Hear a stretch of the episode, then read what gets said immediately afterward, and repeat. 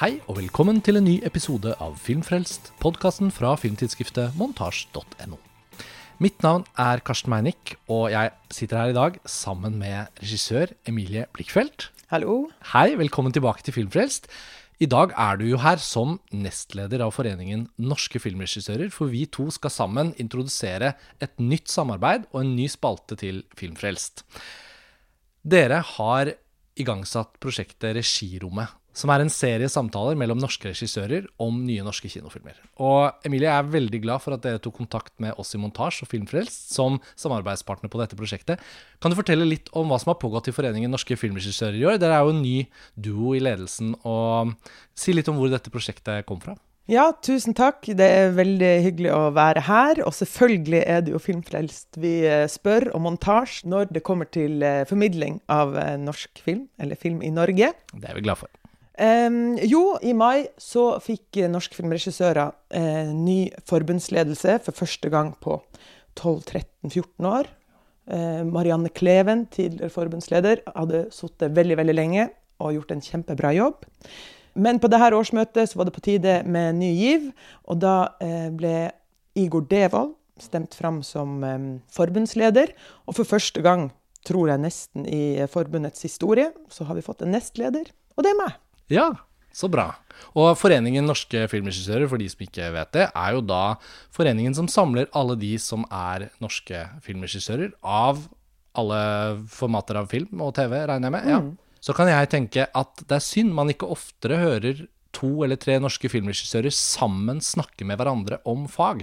Så da jeg hørte om ideen deres, så ble jeg også glad som lytter. Fordi jeg vet jo at det er mange norske filmskapere som har interessante tanker, og som interesserer seg veldig for hverandres filmer. Men alle de samtalene foregår uten mikrofoner som regel. da. Så um, i denne første samtalen så skal vi høre Erik Poppe og Ulrik Imtias Rolfsen i samtale om Poppes eh, nye film, 'Utvandrerne'. Um, kan du si litt om hvordan denne ideen da ble mottatt liksom, i medlemsgruppa, og hva, hva, norske regissører tenker om å sitte der og snakke med hverandre, da, sånn for åpen mikrofon? Eh, jo, absolutt. Vi har eh, mottatt veldig mange ønsker fra norske filmregissører om at de har ønsket seg flere sosiale og kollegiale møteplasser. Mm. Men det har vært veldig vanskelig for den ene forbundslederen som har jobba på liten stillingsprosent politisk, mm. og ikke bare jobbe oppover eh, mot de store politiske organene, men også ned mot medlemsmassen. Men nå som nestleder så eh, har jeg nemlig fått muligheten til å gjøre det. Mm. Eh, det er min store misjon, er nemlig å skape de møteplassene. Så vi har eh, starta å drikke øl sammen. Det var første, veldig god start. Ja. ja. det var første steg. Mens regirommet handler om at vi regissører må bli flinkere til å dele på den kunnskapen vi har og utveksle den. Og ikke bare da mellom de to regissørene som har en samtale en, over en kaffe, f.eks., men å dele den med eh, andre regissører, med publikum og lyttere av Filmfrelst. Mm. Og jeg håper jo at eh, de her samtalene kan gi et eh, innblikk i arbeidet til regissøren, som jo kan ofte være litt uh, myteomspunnet, mm.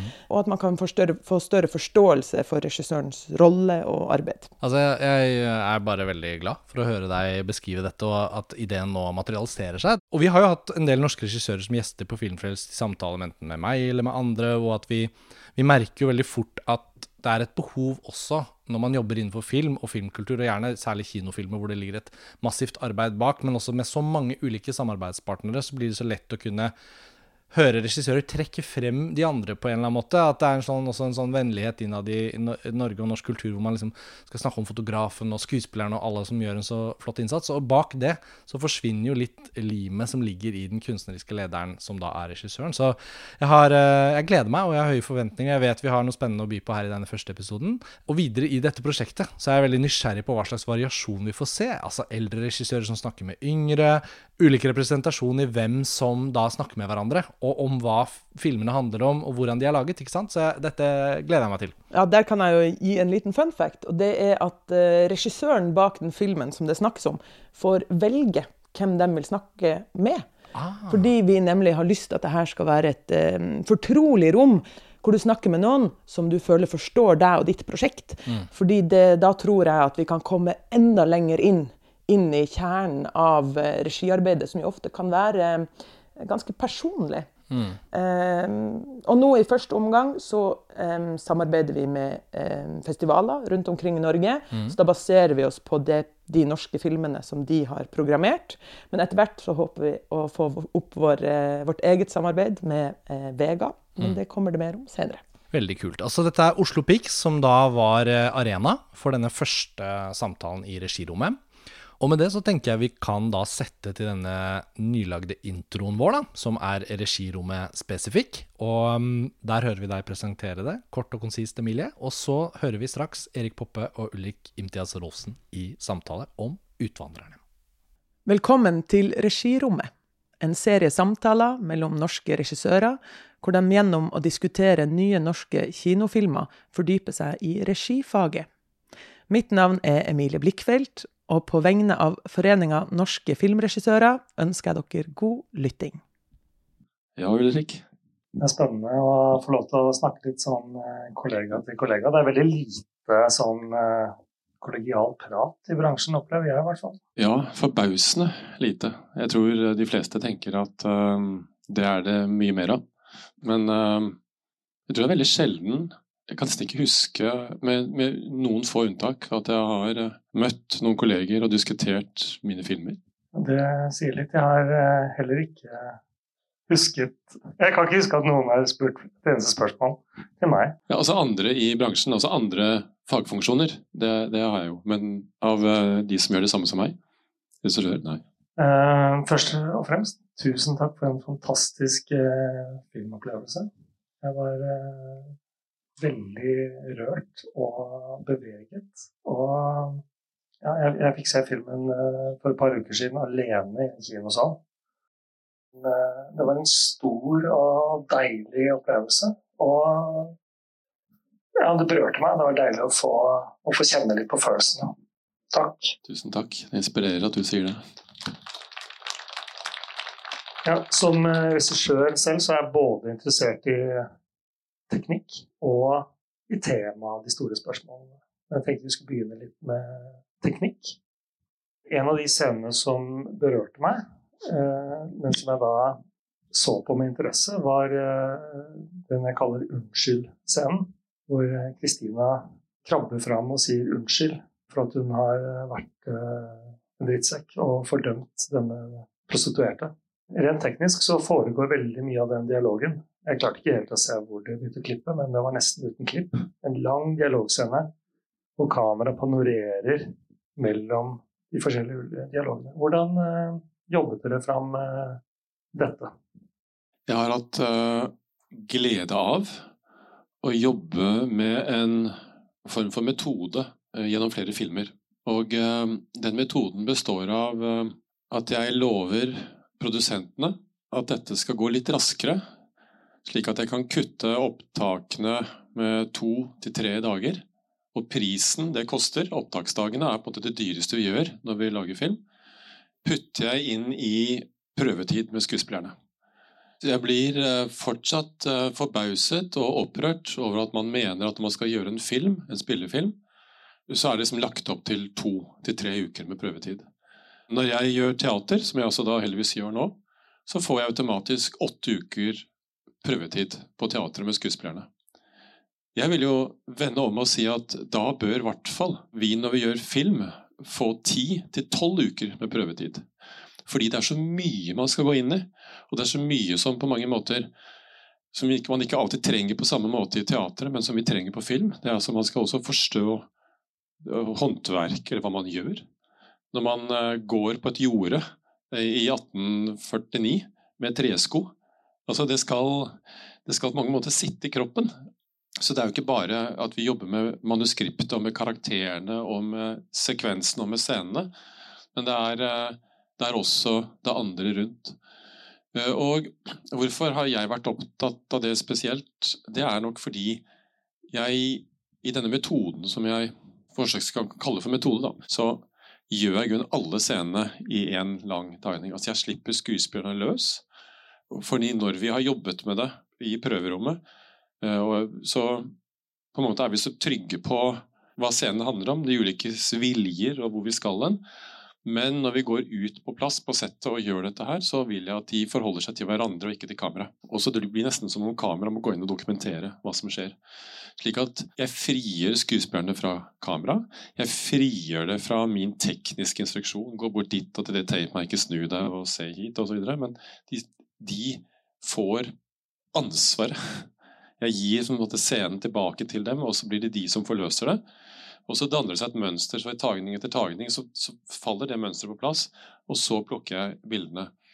Um, så det, det, betyr at, uh, at jeg også kan tillate meg ganske mange scener og klippe veldig lite. Jeg kan nesten ligge i ett. Altså, det ekstremversjonen av dette var jo det vi gjorde på Utøya-filmen. Hvor hele filmen på mange måter er opplevelse av en eneste lang tagning. Men jeg liker jo de lange tagningene, for jeg liker jo da å kunne få oppleve å følge en skuespillers, et ansikts naturlige utvikling. Og ikke at jeg klipper inn den utviklingen. Ja, det, er, det, er inspirerende her. Jeg, jeg, kjenner meg litt igjen i det å, å la skuespillerne jobbe ut uh, en hel scene, og ikke liksom ikke filme bits and pieces. Det gjør jeg veldig, veldig sjelden. Men det, det var inspirerende å se.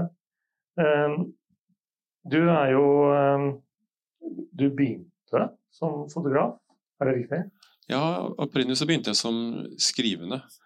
Mens det å vokse opp midt i Oslo sentrum på 60-70-tallet gjorde at uh, hvis jeg skulle jobbe som, mens jeg gikk på liksom, akkurat fra ungdomsskolen og ut i videregående, så skrev jeg veldig mye. Foto hadde jeg ingen interesse av, jeg var ikke interessert i det, men det å skrive Jeg skrev mye, jeg skrev korthistorier, jeg skrev poesi lyrikk. Jeg, liksom, jeg eksperimenterte og lekte veldig mye med tekst. Og syntes det var veldig spennende. Og det førte meg på en måte etter hvert inn i en Jeg begynte å se en retning. Og øh, så ble jeg opptatt av journalistikk fordi jeg var politisk engasjert. Så det liksom trakk meg litt inn. Så jeg startet først med å jobbe litt for, uh, for Klassekampen, som, som frilanser bare. Og så til Aftenpostens aftennummer, som var lokalavis i Oslo. Og det gjorde at jeg, eh, jeg fikk en spalte der som jeg skulle levere to intervjuer hver uke mens jeg studerte. Og så sa de en dag at uh, du får ikke med deg noen fotograf, du må begynne å ta bilder selv. Og da ja, gikk jeg inn i det og tenkte jeg må forsøke å finne mer ut hva foto er. Og da var jeg 21, vel. Og det, det var på en måte forelskelse i det aller første møtet. Uh, når jeg, så, de begynte å vise meg noen, uh, noen, fotografer som sa liksom ja, men les litt om han og les litt om han. Så begynte jeg å lese om dem, selvfølgelig, men jeg måtte begynne å se bildene deres. Og så begynte jeg å se det, og så ble jeg forelsket spesielt i, i bildene til en som heter William Eugene Smith, amerikansk fotograf som jobbet bl.a. for Life Magazine. Og da plutselig så så jeg bare hvor kort teksten kan komme noen ganger, hvis man kan klare å formidle dette i bilder. Og det førte meg til, til at jeg ville vite mer om foto, og så søkte jeg jo Ja, så avbrøt jeg studiene, for jeg fikk en, en mer sånn fast post i, i Verdensgang. VG VG og Aftenposten var den gangen i samme eierskap. Og som gjorde at jeg det var liksom litt før tabloidavisalderen, hvor de laget store ting, serier eller reportasjer med bilder. Så det førte meg til, eh, til um, at jeg forsvant inn i journalistikken og jobbet eh, med den i ganske mange år, inntil jeg ble syk uh, og sendt hjem, nær sagt. Jeg ble lagt inn på Ullevål sykehus, og det, da begynte jeg å gruble litt og tenke ok, uh, kommer jeg til å overleve dette? Og da, det førte meg til hva er min interesse? Jo, det er jo å skrive fortsatt. Og så er det å fortelle med bilder. Kanskje film kan være noe. Eh, et eh, mantra jeg har på min eh, skrivetavle når jeg skriver manus, og det er å skrive som stumfilm. Og det betyr å fortelle i bilder, ikke i tekst. Jeg la merke til at det var mye stumfilm her. Det likte jeg veldig godt. Men hvor, hvor, Hvordan begynte du? Jeg begynte også som fotograf. Jeg var stilsfotograf og jobba med det. Så jeg, ja, jeg skrev også. Jeg skrev manus. Jeg, skrev, jeg var veldig opptatt av minoritetshistorier. Og så så fikk jeg en introduksjon til stillsfotografering på skole i USA, hvor jeg egentlig ville bli skuespiller, og så ble det foto. Og så gikk jeg på Nissen etterpå, på dramalinjen, og, og liksom var liksom skuespiller, eh, veldig skuespillerorientert. Og så fikk jeg en rolle på Nationaltheatret som 18-åring, eh, fordi jeg var mørk i huden. Vi trengte en meksikaner. Og så ble jeg så dårlig behandlet av alle de faste ansatte skuespillerne. Jeg tenkte dette vil jeg ikke. Og samtidig så ble jeg liksom rekruttert til en sånn eh, minoritetsfilmskapercamp på Blindern. En, en, kurdisk filmskaper som skulle lage en film og trengte noen unge ungdommer til å være med. Så han skulle lære opp, Det var en del av hans eh, master å lære opp unge innvandrerbarn. Og eh, da fikk jeg helt kick. Det var så gøy. Da liksom følte jeg alt kombinerte. Foto og skuespill og skriving og musikk og alt ble bare sånn Dette er kunstformen, liksom. Siden jeg har vært helt hekta. Men altså, du fikk eh, en statistrolle pga. hudfarge. Mm. Det gjorde jeg også. Når jeg var i Sverige, studerte ikke på TI, så ble jeg kastet i en statistrolle en film til 1939, en stor film. Faktisk en krigsfilm, ja, det skjønner man jo. Men uh, de trengte en uh, naken nordmann som uh, er i husarrest, og så, så rømmer han. Så han løper over et jorde. Så da skulle de ha en to meter lang nordmann som løper desperat. Da. Og så blir jeg jo skutt, selvfølgelig. Det syns jeg var det mest spennende med det. Jeg skulle bli skutt. Så jeg faller om ut på jordet der. Men jeg ble utelukkende kastet fordi jeg snakket norsk, og fordi jeg var naken var naken. uh, 'Utvandrerne' er en film med, hvor location er veldig viktig. Det handler jo om uh, begrepet hjem. Men jeg har også hørt at uh, hele Minnesota er filmet i Sverige. Hvordan kom dere fram til det? Fordi Minnesota ser ut som Sverige. Det høres veldig bærekraftig ut. Slippe å fly over dit. Ja, altså det er jo du og jeg Ulrik, veldig opptatt av. Bærekraften i bransjen vår. Vi, gjør, altså, vi legger inn noe svinsk avtrykk når vi skal legge alle disse produksjonene til Romania og Tsjekkia og, alle andre steder for å få det til å se ut som Norge. Mm. Så um, det var jo på en måte hell i uhellet når pandemien slo til. For det var jo egentlig årsaken. Vi skulle filme mye mer av dette her i uh, Tsjekkia, var det vel først? Romania. Men uh, det er scener i filmen som er filmet i USA, og så er det scener som er gjort i Romania. Men uh, det er liksom ankomsten New York og den der å gå gjennom de, de gatene. Så, men ja, mesteparten er gjort i, rundt omkring i ja, fra Gøteborg også. To timer i alle retninger. Sånn. Da jeg så filmen, så opplevde jeg at Jeg tenkte ikke på det. Jeg tenkte på at dette var liksom veldig det var veldig skandinavisk og veldig norsk. Men jeg, tenk, jeg liksom lot meg være med på illusjonen. da. Tenkte på disse svabergene. Å, er det sånn der? Men, men, jeg var med det, og det, det hjalp meg til å Eller jeg syns det funka i historien. Da, for det er klart at de slår seg ned der det ligner på dem. Eller ligner på gamle Jeg har selv slekt i Minnesota, vært i Minnesota. Norsk slekt. Men um, det å, å, velge location Fy søren, det er vanskelig. Én ting er at det er vanskelig å velge skuespillere. Det er jo den viktigste beslutningen man tar. Men det andre er å finne ut av liksom, omgivelsene. Man, og spesielt når det gjelder en historie som dette, som på en måte jo handler om mennesker som har en så sterk relasjon til naturen. Altså Dette er jo langt på vei naturmennesker i sitt liksom, habitat, hvor spesielt Karl Oskar jo kjenner seg så hjemme. Det var om å gjøre å uh, gå dypt inn i research og finne ut av hvordan det så ut i disse områdene i Minnesota.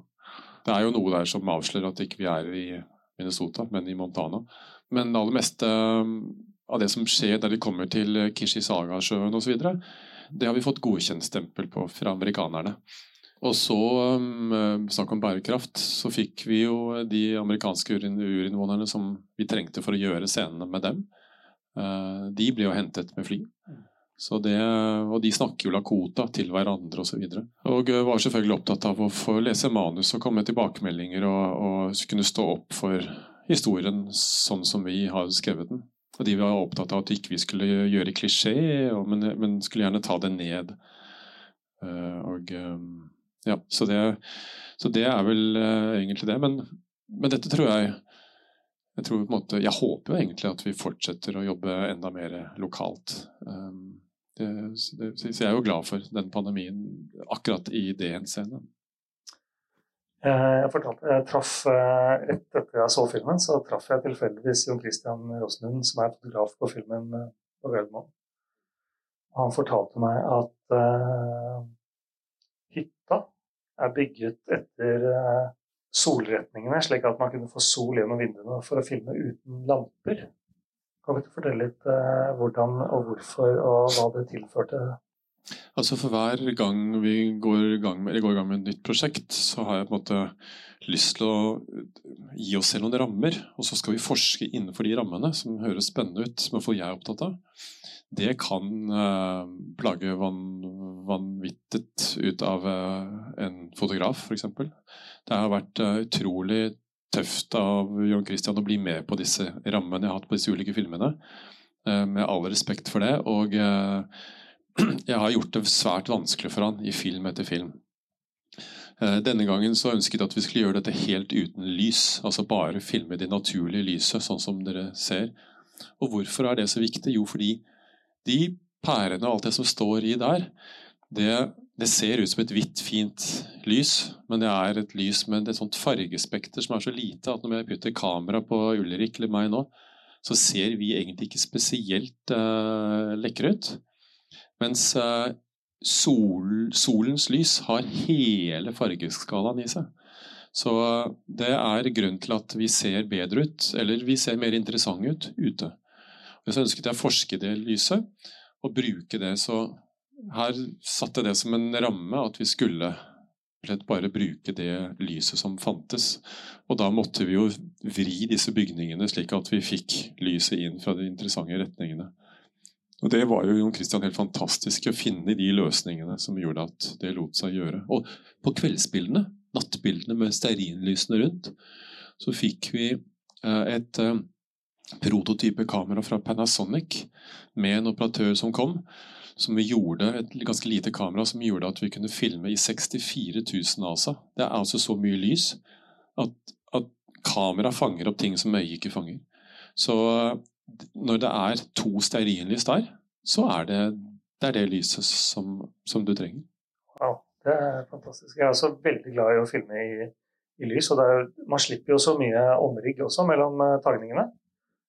Men uh, kontinuitet er jo litt uh, vanskelig. Er du opptatt av sånne ting som kontinuitet og ja, det å liksom bevare illusjonen? Altså, jeg er opptatt av det, det sannferdige, eller ikke sant. Uh, i en historie. Det gjør det lettere for skuespillerne at vi setter en ramme og sier la oss gjøre dette så troverdig og sannferdig som mulig. Og hva er nå det? Men å forsøke å ikke jobbe på en måte at vi setter opp sånn slik at folk blir sittende og se mennesker med parykker og alt dette her, men at de, at de føler at vi er inne i et øyeblikk som blir dokumentert nesten der og da, og at ikke min ikke sant? At ikke jeg er inne og griper inn i disse store spillscenene, men at ting får lov til å skje. Så det syns jeg er ganske interessant å forske i. Og um, det handler egentlig bare om å gi alle de fineste folka som du får tak i av kostymeansvarlig og sminkeansvarlig og alt dette her, frihet til å forske i det. Hva skal vi gjøre for at det virkelig ser bra ut? Da? Uh, og her er jo alle kostymene laget men identisk etter liksom Og måten de er slitt ut, og hvordan de har jobbet. Altså, alle disse jakkene kunne tas av, og det ville sett liksom, De ser fantastiske ut.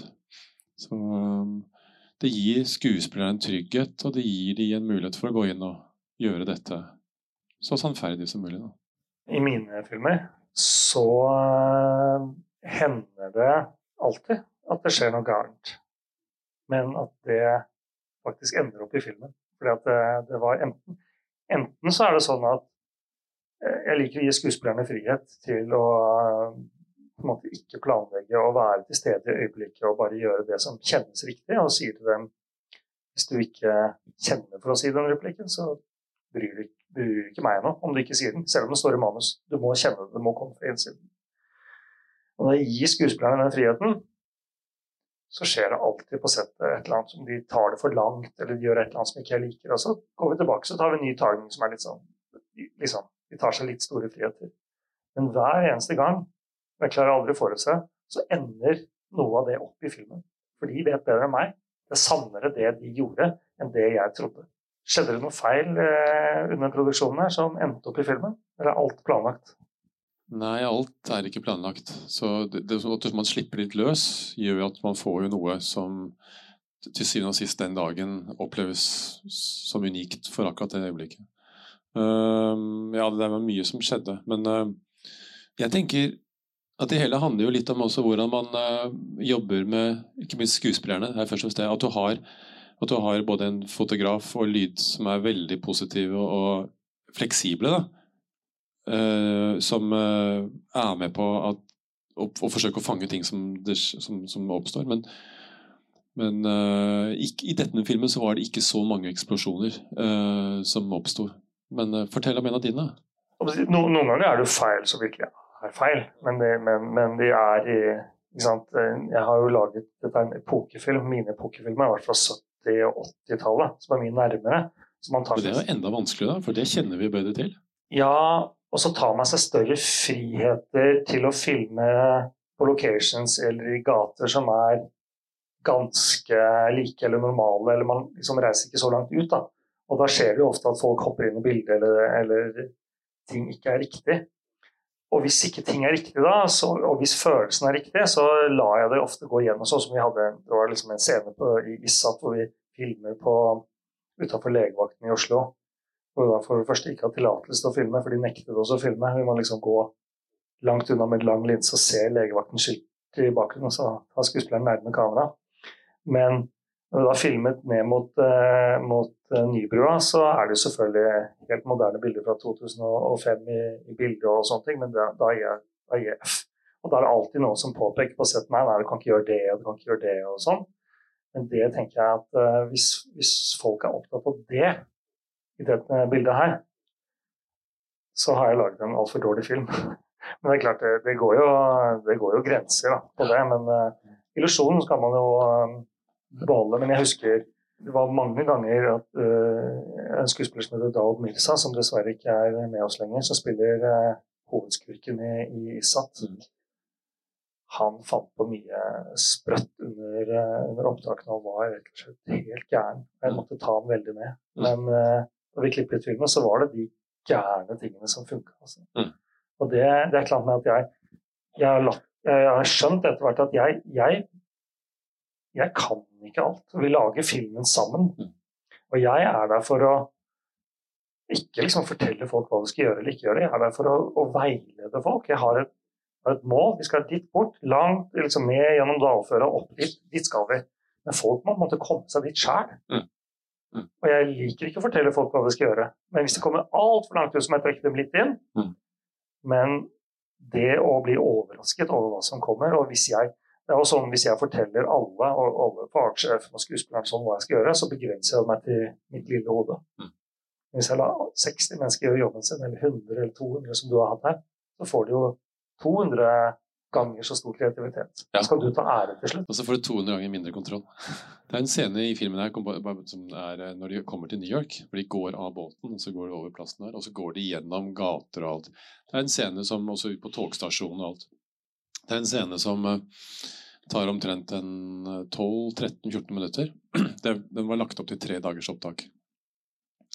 Uh, og, så, og dette er bygget i Romania og utenfor, i filmstedet utenfor Bucuresti. Og, liksom, og det er virkelig sånn som New York så ut i 1849. Det er sånn treetasjes, fireetasjes trebygninger. Før som heisen ble oppdaget, så bygget man ikke større. og så var vi der nede og um, hadde preppa, og folk begynte å bli dårlige. Og så begynte meldingene å komme om at uh, nå hadde korona kommet inn på settet. Både på den rumenske staben og på den uh, norsk-svenske. Så stadig vekk så tikket meldingen inn, og vi hadde to eller tre dager forberedelsesdager der før vi skulle begynne å filme. Så jeg tenkte jøss, hva gjør jeg nå? Måtte begynne å flytte om på, på folk og funksjoner osv. Og, så og folk begynte virkelig å hangle. Vi skulle gjøre dette her. Og så plutselig så kom meldingen jeg bli kalt inn, på, jeg ble kalt inn eh, av eh, min produsent, eh, som sa at nå har vi et stor utfordring. Hva er det? Jo, jeg har fått korona. Ok, du har det. Og Jon Christian, fotografen, har fått korona. Og din regiassistent har fått korona. Og alle ble da isolert med en gang, så de fikk jeg ikke tak i ingenting. Så staben begynte virkelig å tynnes ut. da. De ble isolert i forskjellige hotellrom i et ganske kjipt hotell i Bucuresti. Og så eh, skulle vi starte opptak dagen etterpå. Og vi, vi hadde tre dager på å gjøre disse scenene. Det var ganske panikk. altså Få tak i så måtte de De kunne ikke på noe sykehus. Eh, men, eh, og han ene ble ganske dårlig. Så det måtte begynne å rekvireres ambulansefly osv. for å få han hjem til Norge. Eh, og siden produsenten min eh, trakk seg unna, så hadde jeg ingen annen. Og så prøvde jeg å ringe til Sverige og Norge for å få kontakt med de, men var, de var ikke mulig å få tak i. Så da måtte jeg utover kvelden og natta måtte jeg begynne å få tak i og finne hva, hvordan får man tak i et ambulansefly ned hit til eh, Bucuresti for å få vedkommende hjem til Oslo. Så det var sånn spinn av noen utfordringer. Så sånn to-tre-tiden på morgenen så fikk vi tak i et. Da vet jeg også hva det koster nå. Så hvis dere lurer på en sånn, sånn en, så koster det rundt sånn 350 000-400 000 kroner. Og så var det sove i noen timer, og så skulle jeg våkne, og så skulle vi dra ut og gjøre første opptaksdag. Og våkner jeg, og så er det Og den scenen skal jo være midt på sommeren. Da er det så mye snø. Bløt, tung, svær snø som ligger over hele Bucuresti. Jeg tenkte Altså, jeg var jo så trøtt og sliten. Da, hvordan skal vi løse dette her? Og det er som dere ser, ganske svære scener med fryktelig mange statister og alt så var det bare å forsøke å komme seg ut dit. Og, eh, og så hvordan gjør vi? Og så fikk vi tak i studieløsning, kom ut av alt. Det lå bare snø overalt da, som var bygget. Og fikk tak i studieledelsen og laget møte og spurte nå må vi bare få, få vekk snøen. Så står de og ser på meg. Få vekk snøen? Ja, hvordan gjør vi det? Få vekk snøen. Jeg må få inn alle. Jeg skal, vil altså alle hele staben. Vi må begynne å koste og få ned alt. De, de, skjønte ikke hva det var for noe. Så måtte jeg tegne en arkestak. Jeg sånn, når jeg lager en snøskuffe, da tar du én sånn der, må du få folk til å snekre sammen sånne, og så må vi skyve vekk. Og så fikk vi noen sånne brannbiler til å begynne å spyle. ikke sant? Og så holdt vi på, men dette gikk jo ikke. altså, Det gikk så treigt.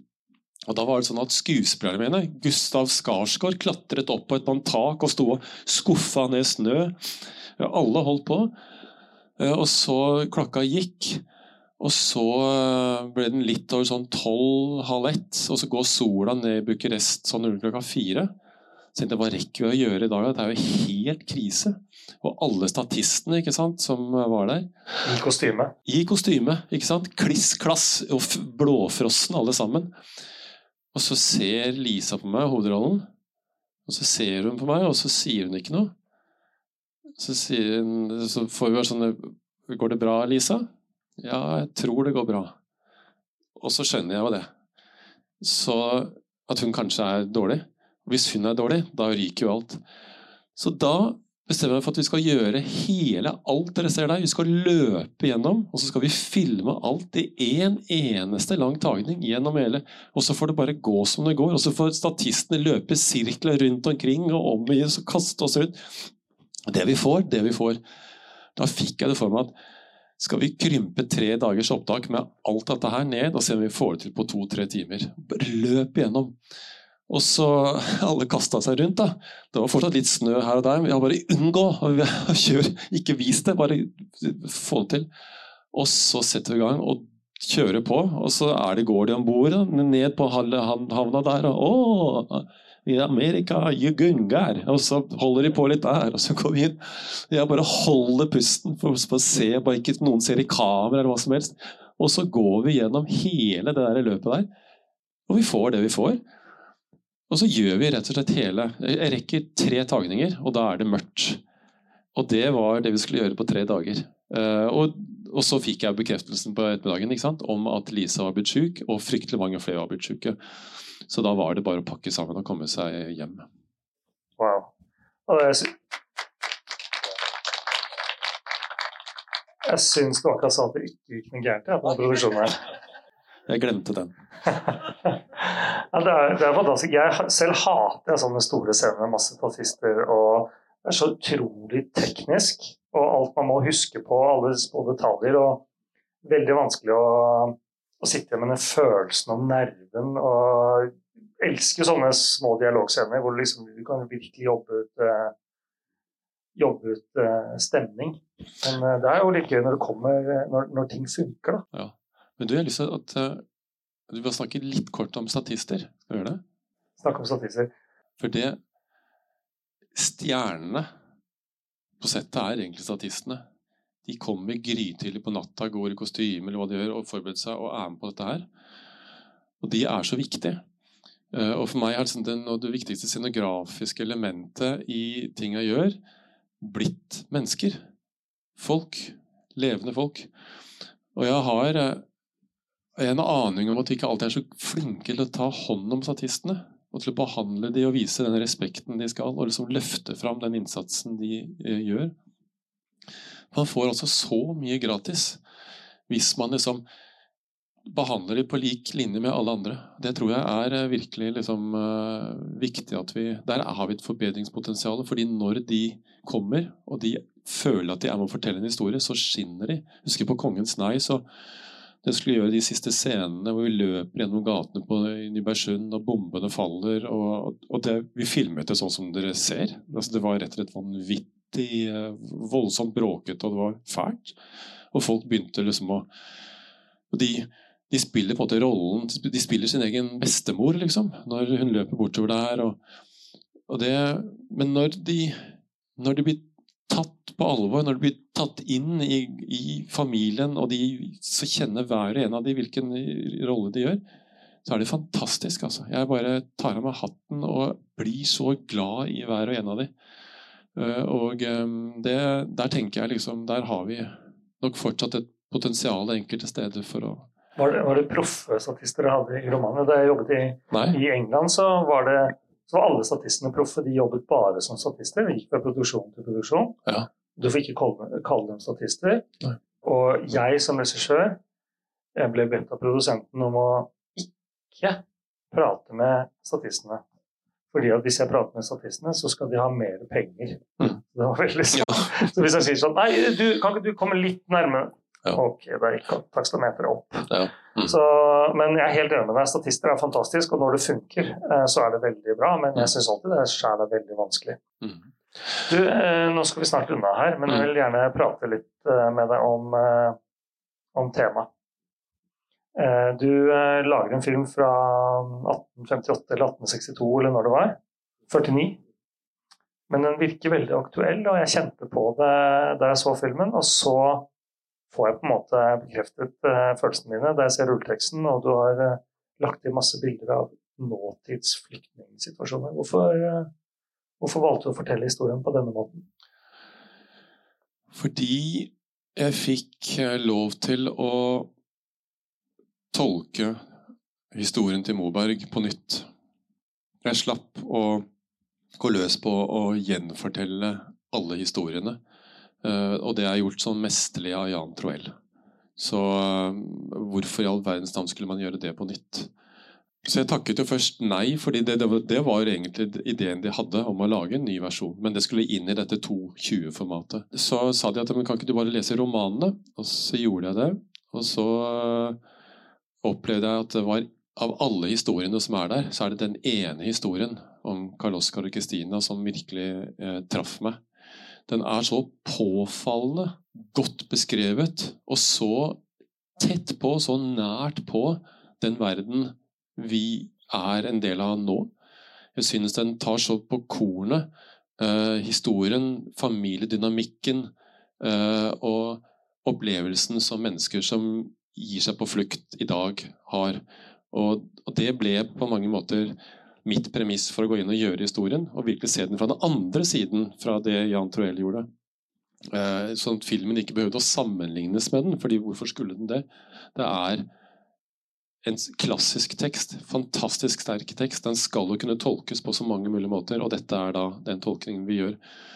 Og, og det ble jo uh, sånn at i roman 1 og 2 så så er ikke Kristina så sentral. Det er på en måte Karl Oskar som er hovedpersonen i Mobergs univers, men Kristina er veldig sentral. Men i de to første romanene så er hun mer bare en sånn underscore til Karl Oskar. Men han antyder en del om henne. og så kjenner jeg godt til uh, flere familier, innvandrere som har kommet hit til Norge, som jeg lett kunne, og som jeg kjenner så godt igjen, som kunne bekrefte det. Men da satte jeg meg ned og så intervjuet, jeg eh, en rekke mødre som har kommet hit eh, til Norge, og, en del mødre utenfor Stockholm. Og så intervjuet jeg de voksne barna deres for å forsøke liksom å fange den dynamikken og se. Ikke for å få de historiene inn i vår, men bare for å styrke og bekrefte de tingene Moberg antyder. Slik at Kristina, som jeg ønsket skulle være hovedkarakter, som representerer den historien vi kanskje vet minst om, nemlig kvinnene. Vi vet jo om mennene eh, mye mer. Altså mennene eh, har både to og tre jobber, de, det er de som holder det norske samfunnet i gang, etter min mening. Eh, og barna som benytter seg av den menneskeretten, den med selvfølgelige menneskeretten de har til å bruke og, sant, bli en del av vårt samfunn. Mens kvinnene er jo der hvor jeg har opplevd at det har kommet kritikk de senere årene.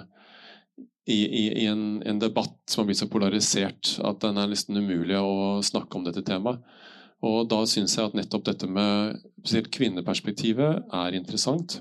Og siden jeg har hatt i fire, fire av spillefilmene så har jeg jobbet med kvinnelige hovedkarakterer og forsket og, og gått inn i, i, kvinnerollen, så var det på en måte det mest interessante å forske i og løfte fram. Da. Så det er jo for å forsøke å ta tak i en historie som måte som om det er en samtidshistorie. Ja, det skjedde den gangen, og det skjedde med våre forfedre, men det handler om, om, at, om at, de er som oss, vi er som de, vi er det samme. Og når man går ut av salen og har sett filmen, så vil jeg tenke at kanskje har vi bare fått noen tanker, noen liten opplevelse av forståelse hos de av dere som ikke kjenner så godt til hvem de menneskene er. Jeg syns du klarer det på en veldig god måte. Jeg synes Det er veldig spennende. og det å å la det være åpent, så publikum selv kan tolke disse tingene. Selv om du selvfølgelig setter en liten peker litt på slutten på rulleteksten, så er det allikevel åpent. Det er så fint. Men uh, den scenen som, som uh, jeg er sikker på ikke bare jeg som ble berørt av, men og det er første gang jeg har sett det, at det er liksom suicide by sex. Det er rett og slett et selvmord. Hun, hun ligger seg til døde, eller elsker seg til døde. Hvor tok dere det fra? Er det fra bøkene? Er det fra Hvordan, hvordan uh, jobbet du ut den, uh, den emosjonen der? For hun dør jo av kjærligheten. Vi tok det fra Moberg. Og Moberg tok det fra de historiene han gjorde seg kjent med. Han gjorde et enormt uh, forarbeid før han begynte å skrive. På godt norsk research, hvor han både reiste rundt og benyttet historier fra sin egen familie og andre. Dette er en historie som, eh, som han brakte inn i, sin, i, sin, i, sitt univers, og som på mange måter ble et veldig sånn klart premiss. Jeg må jo bare berømme er to navn jeg ikke har nevnt her i dag. Det er nemlig Anna Bakke-Wiig og Siv Rajendram, som, eh, som jeg fikk lov til å bringe inn slik at uh, vi kunne starte med blanke ark. Som er manusforfatterne. Som er manusforfatterne. Og uh, den dialogen vi hadde, og de motsetningene vi hadde i søket for å få den historien på plass, så har jeg uh, alt å takke dem for også at vi klarte å gå inn og forsøke å gjøre dette på en nok en gang så sannferdig og troverdig måte som mulig. Det, det, det var på en måte premisset. Og det ble å ja, det er jo et det er langt på vei et selvmord. Man kan diskutere det, om det er det. Eh, men eh, vi konkluderer vel stort sett med at det er det det er. Hun vet jo i hvert fall hvilken, hvilken risiko hun legger til grunn for, for sin avgjørelse. Men om hun tror på det eller ikke, hun velger iallfall da kjærligheten. Eh, og ja, noen mener det kan virke naivt eller blåøyd, men ja, det er nå en gang sånn. Nei, Jeg kjente i hvert fall på den, den, intensiteten i kjærligheten der, og at uh, risikoen var verdt å ta da, for henne. Uh, men ja, det, var, det, var, et sterkt øyeblikk. Jeg merker at det er så mye mer jeg har lyst til å snakke med om filmen. Jeg kunne snakket i timevis, det skal dere slippe. De som hører på dette på podkast, vil jeg oppfordre til å se filmen. Den, det er ikke så ofte jeg, ikke sant, jeg er jeg er jo i bransjen selv, og det er ikke så ofte man liksom eh, lar seg berøre av filmen, for man blir så veldig teknisk. Eh, du berørte meg med denne filmen, eller dere som laget filmen, berørte meg. Tusen takk, Erik, og takk for praten. Tusen takk, Ulrik, for praten og for denne samtalen, som jo er en helt ny opplevelse for meg å sitte med en kollega sånn. Og jeg er en sånn klemmefil, så jeg må bare klemme noen en gang iblant. Men sånn er det. Takk. Takk til publikum.